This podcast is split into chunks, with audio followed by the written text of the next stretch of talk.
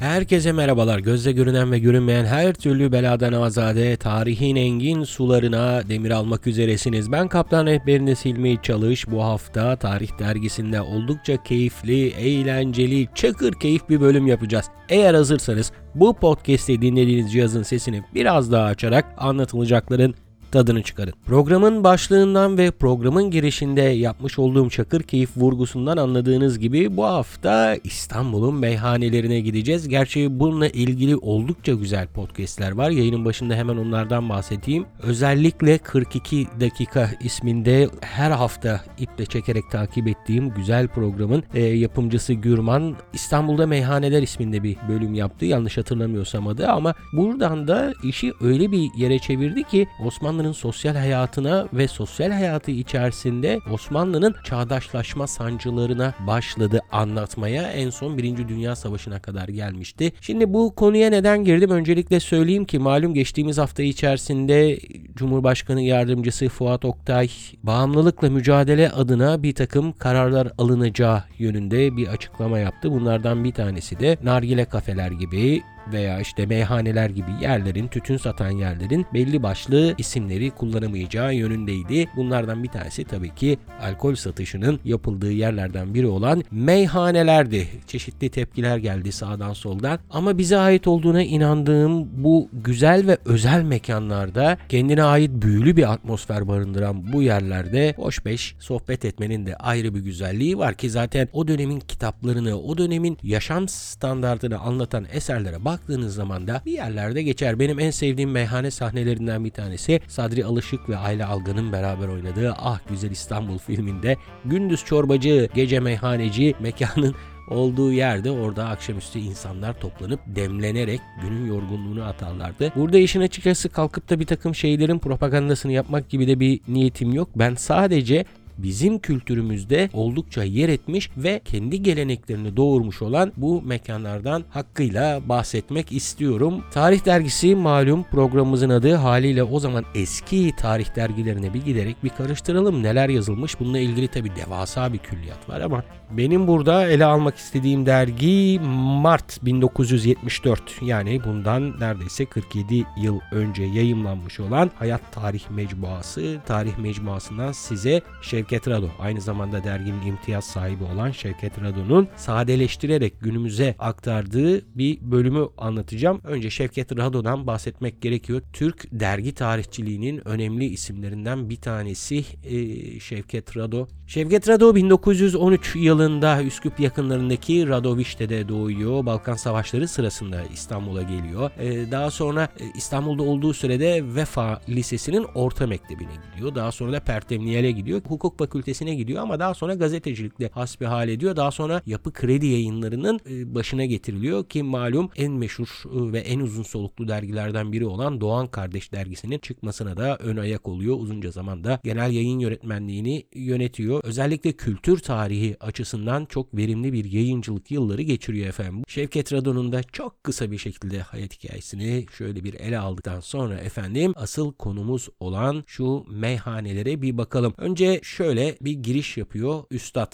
Elindeki makale Çaylak Tevfik adlı bir muharririn 1880 yılında yayımladığı İstanbul Akşamcıları adlı kitapçığından İstanbul'da o zaman olan meyhanelerin listesini, meyhane çeşitlerini ve buralara devam eden akşamcıların adetlerini anlatıyormuş efendim. Bahsettiğim 1882. Abdülhamit yılları bunun da özellikle altını çizmek istiyorum. Şöyle başlamış yazıya. Gedikli denilen meyhaneler ruhsatı olan ve meyhaneci ustaları tarafından işletilen meyhanelerdir. Gedikli sistemi bir nevi lonca sistemi. Yani aynı iş ve sanatla uğraşanların mesleki organizasyonu. Bu loncalara girecek meslek sahiplerinin sayısı tahtitliydi. Yani belli bir seviyede belirlenmişti. O zamanlar Mısır çarşısında olsun, kapalı çarşıda olsun dükkanların kapıları üzerinde bir isim tabelası yoktu. Bunun yerine dükkanın kolayca bulunması için deve yumurtası, deve kuşu tüyü, gemici feneri gibi işaretler koyulurmuş. Gedikli meyhanelerinin işareti de kapının hemen üstünde asılan eski bir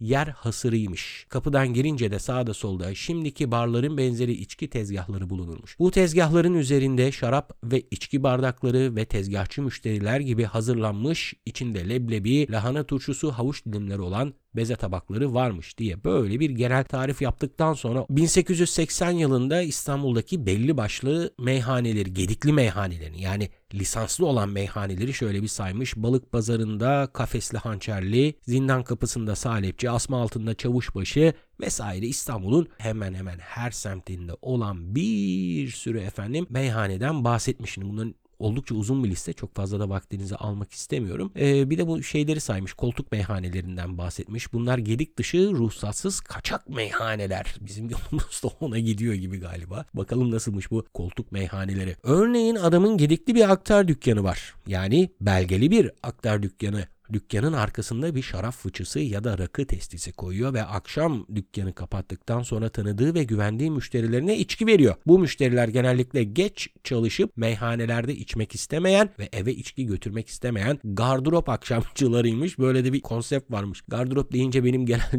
aklıma başka bir sahne canlanıyor ama e, şöyle devam edelim. Ama içtikleri de bir bilemedin iki kadeh. Fazla vakitleri yok. İki kadehi içtikten sonra yumruk mesesi denilen meşhur Reşat Ekrem bunu çok güzel anlatır. Ellerinin tersiyle ağızlarını silip evlerinin yolunu tutuyorlar. Bir de ayaklı meyhaneler var. Bunlar çoğunlukla Eminönü'nde Yemiş iskelesi civarında veya balık pazarında dolaşırlarmış. Günümüzde Yemiş iskelesi veya balık pazarı dediğimiz yer yok. Eskiler bilir bunları. Eminönü'nde otobüs duraklarının olduğu yerden un kapanına doğru bulunan sahil şeridine bu şekilde ad veriyorlar. Ee, şöyle devam ediyor usta. Zannetmeyin ki bunların yürüyen bir tezgahı yahut sucu veya şerbetçiler gibi görünürde bir damacana veya ibriği vardır. Dükkanları, tezgahları, depoları hepsi vücutlarının üzerinde çoğu Ermeni asıllı olan bu seyyar meyhanelerin üzerinde uzun bir cübbe, cübbenin iç cebinde bir kadeh, başlarında bir takke, omuzlarında ne iş yaptıklarının işareti bir peşkir varmış. Bellerindeki kuşak yerine kat kat sarılmış içi rakı veya şarapla doldurulmuş nargile marpucuna benzeyen uzun bir koyun bağırsağı. Bağırsağın ucunda da bir musluk. Müşterilerin çoğunluğu ise kalyoncular, hamallar, avareler, baldırı çıplak yurtsuz barksızlar olurmuş efendim. Ayaklı meyhane kendisine gelen müşteriyi gözünden tanırmış. Çok belli oluyordu galiba. Hemen bir zerzavatçı dükkanına girer ve arkaya doğru yürürmüş. Usulü bilen müşteri de yanına gelir, bağırsaktan boşalan rakıyı bir nefeste yudumlar, kırk parayı ayaklıya verir, sonra da bulabildiği bir lahana yaprağı, havuç parçası gibi bir iki sebze artığını ağzına atar, dükkandan dışarı çıkarmış. Benim aklıma bu 2000'li yılların başında korsan CD'ciler geldi. Onlar da böyle CD alacak olan adamları tanırlardı böyle hemen gel gel derlerdi. Giderdiniz e, belli bir yerleri vardı onların. Kendimi de bu arada ifşa etmiş oldum.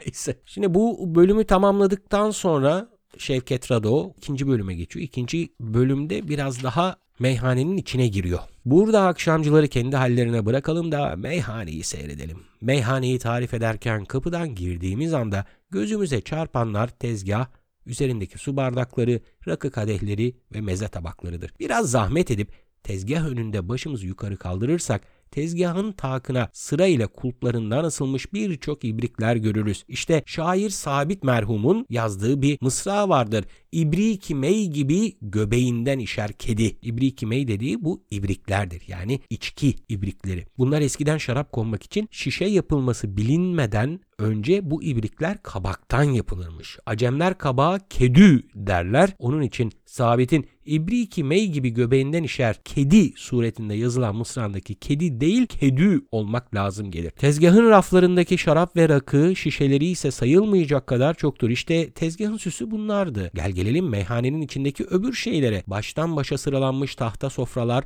etrafında dizilmiş dört ayaklı hasır iskemleler, Bunları görünce Türk Acem şairlerinin şiirlerini hatırlamamak da mümkün değil. Bu mübarekler bu tahta sofralar hasır iskemleler için neler neler söylemişler ne teşbihler yapmışlar. Kimi üzüm kızının barınağı, kimi içki pirini ikbal yeri, içki sunan güzelim eğlence yeri, kimi Bekrilerin sızdıkları yer demiş. Şey çok güzel ama benim burada hoşuma giden benzetmelerden üzüm kızının barınağı. Çok şairane geldi. Bu tahta sofraların üzerinde meyhaneciden caba birer tuz kutusu bulunur ki vaktiyle bu kutuları kütükten oyarlarmış. Meyhanelerin birer çatı katıyla bazılarında birer ikişer döşeli odalarda bulunurdu. Bunlar meyhanelerin üst katı sayılır. Böyle yerler meyhaneye devam edenlerin üste gelenlerine mahsus gibidir. Yani öyle özel localar da varmış. e, eski meyhanelerde.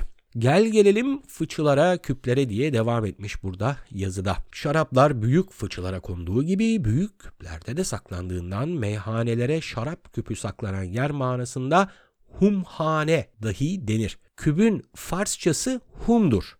O yüzden de humhane adı verilirmiş. Bu fıçılar gayet büyük olduğundan meyhane apostolları kovalarla şarap almak için ağızlarına merdivenle çıkarlar. Meyhanenin iç süslemelerinden olmak üzere ararsak birkaç parça şey daha buluruz. Bu arada ince iplerle çatıya asılmış gayet ufak bir fıçı, bir çotra ağaçtan oyma bir su kabıymış bu arada bu. Duvarlarına gayet nispetsiz olarak yapılmış bir takım kabadayı resimleri. Meyhanemizin bir tarafında aşçı ve mezeci tezgahını da unutmayalım. Bunun başında duran ihtiyar Rum yemeklerin çeşidini çoğaltmaya heves etmez. Fakat bir kül bastı, bir de çeşitli sebzelerden türlü bastı yapardı ki yemesine doyum olmaz. Ayrıca bu tip büyük meyhanelerin münasip bir yerine büyük bir çıngırak asılır. Meyhane kapısı önünde akşamları miçolardan biri durup elinde çıngırağın ipini tutar. Bu miço öteden beri bir zabit geldiğini görünce çıngırağı çektiği gibi derhal meyhane kapıları kapanıp içeride bir sessizlik hüküm sürer. Zabit geçtiği gibi de miço çıngırağı çeker, meyhane açılır, herkes alemine döner diye günümüzde sıklıkla yaşanan durumların geçmişteki yansımasını devam ettiriyor. Meyhane ademeleri diye bir alt başlık atmış. En son zaten orada bir uzunca zaman e, bahsetmiş. Ne demiş? Bir tezgahtar, iki ateşçi, birkaç hizmetçi, bir aşçı ile bir çırağı, bir de o zavallı kavrulmuş kabak çekirdeği satar ihtiyar. Alaturka saat ona geldiği gibi diye girmiş söze. Burada devam etmeden küçük bir parantez açmakta fayda var e, Osmanlı'da çift saat kullanılıyor. Biri Alaturka saat, biri öbürü malum Alafranga saat. E, Alafranga saat bizim gün, günümüzde kullandığımız saat yani gece 12'de gün değişiminin yaşandığı ama e, Alaturka saat gün üzerinden, güneş üzerinden daha çok hesap ediliyordu. Mesela bu cümlede dediği gibi ya Alaturka saat ona geldiğinde aslında Alaturka saat güneşin batmasına 2 saat kala olan saat. Güneş saat 12'de batıyor o şekilde hesaplıyorlar. Çalışanlardan tezgahtar akşamcıların şişelerini hazırlar, uşaklar sofraları temizler siler, süpürür, toprak şamdanlara mumlar dikilip sofranın üzerine kor. Etrafına meze tabaklarını dizer. Ateşçiler ateşliklerini tellendirir, aşçılar tencereleri, tavaları dizer. Asıl meyhane sahibi kendine mahsus bir yerde akşamcıların sökün etmesini bekler. Saat 11'e gelince yani güneş batmadan bir saat evvel Akşamcılar birer ikişer gelmeye başlar. Akşamcılardan biri meyhane kapısından girdiği gibi hizmetçilerden biri yüksek sesle buyurun efendim buyurun diye karşılar. Bu akşamcılardan ehli tabiat olanlar yani keyif ehli olanlar buraya gelmeden önce portakal, elma, havyar, kısaca her biri mevsimine uygun bir meze getirir hizmetçi akşamcının elinden. Böyle bir meze gördü mü hemen koşup mezeyi alır, ne yapılmak lazımsa onu yapıp tabakla getirir, müşterinin sofrasına koyar. Saat 12 artık güneş batınca meyhanenin orta kandili yanar. Meyhaneci ustası o vakit yerinden kalkarak eline bir fiske şamdanı alıp sofraları gezer. Sofradaki mumları yakıp ağalar sefa geldiniz diyerek karşılamış olmak vazifesini yerine getirir. Hatta bazı akşamcılar meyhanenin orta kandili yanmadıkça, meyhaneci gelip sofradaki mumu yakmadıkça neşem yerine gelmez diye dertlenirlermiş efendim. Hakkı da var.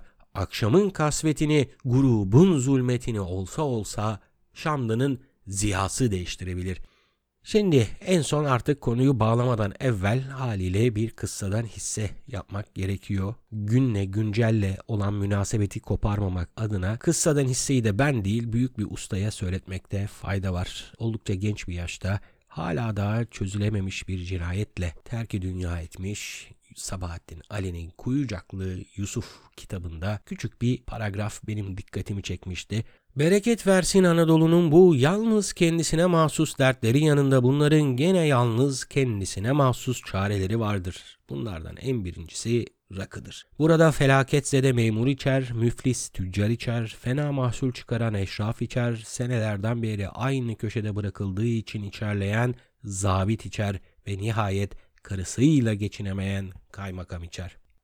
Ustanın yazdığı gibi 100 yıl önce de bu tip şeyler varmış. Galiba şimdi de var ve maalesef bir 100 yıl sonra daha olacak. Kendimi bildim bileli alkolün kötülüklerin anası olduğu söylendi durdu etrafımda ama bence kötülüklerin anası kişinin kendini tanımaması, hal böyle olduğu zaman da alkol alma meyleden insanların alkolü kendini tanımadıkları için ağızları yerine farklı organlarıyla içmeleri neticesinde bir sürü acı yaşanmış, çok fazla gözyaşı akıtılmış ve bu acılar üzerinden yeni yeni hayatlar kurulmaya başlanmış zaman içinde. Bir takım şeylerin önüne geçmek istiyorsanız, bir takım acıları, bir takım kalp kırıklıklarını, bir takım umutsuzlukları ve karanlığı dağıtmak adına bir takım şeyler yapılacaksa eğer Türkiye'de bu tip mekanların adını değiştirmek yerine kanaatimce bu tip mekanlara gitmek için gerekli olan motivasyonun, nedenin ve isteğin önüne geçecek bu karamsarlığı dağıtacak adımlar atılırsa çok çok daha iyi olur. Haftaya görüşünceye kadar mutlu kalın, esen kalın, sağlıklı kalın efendim.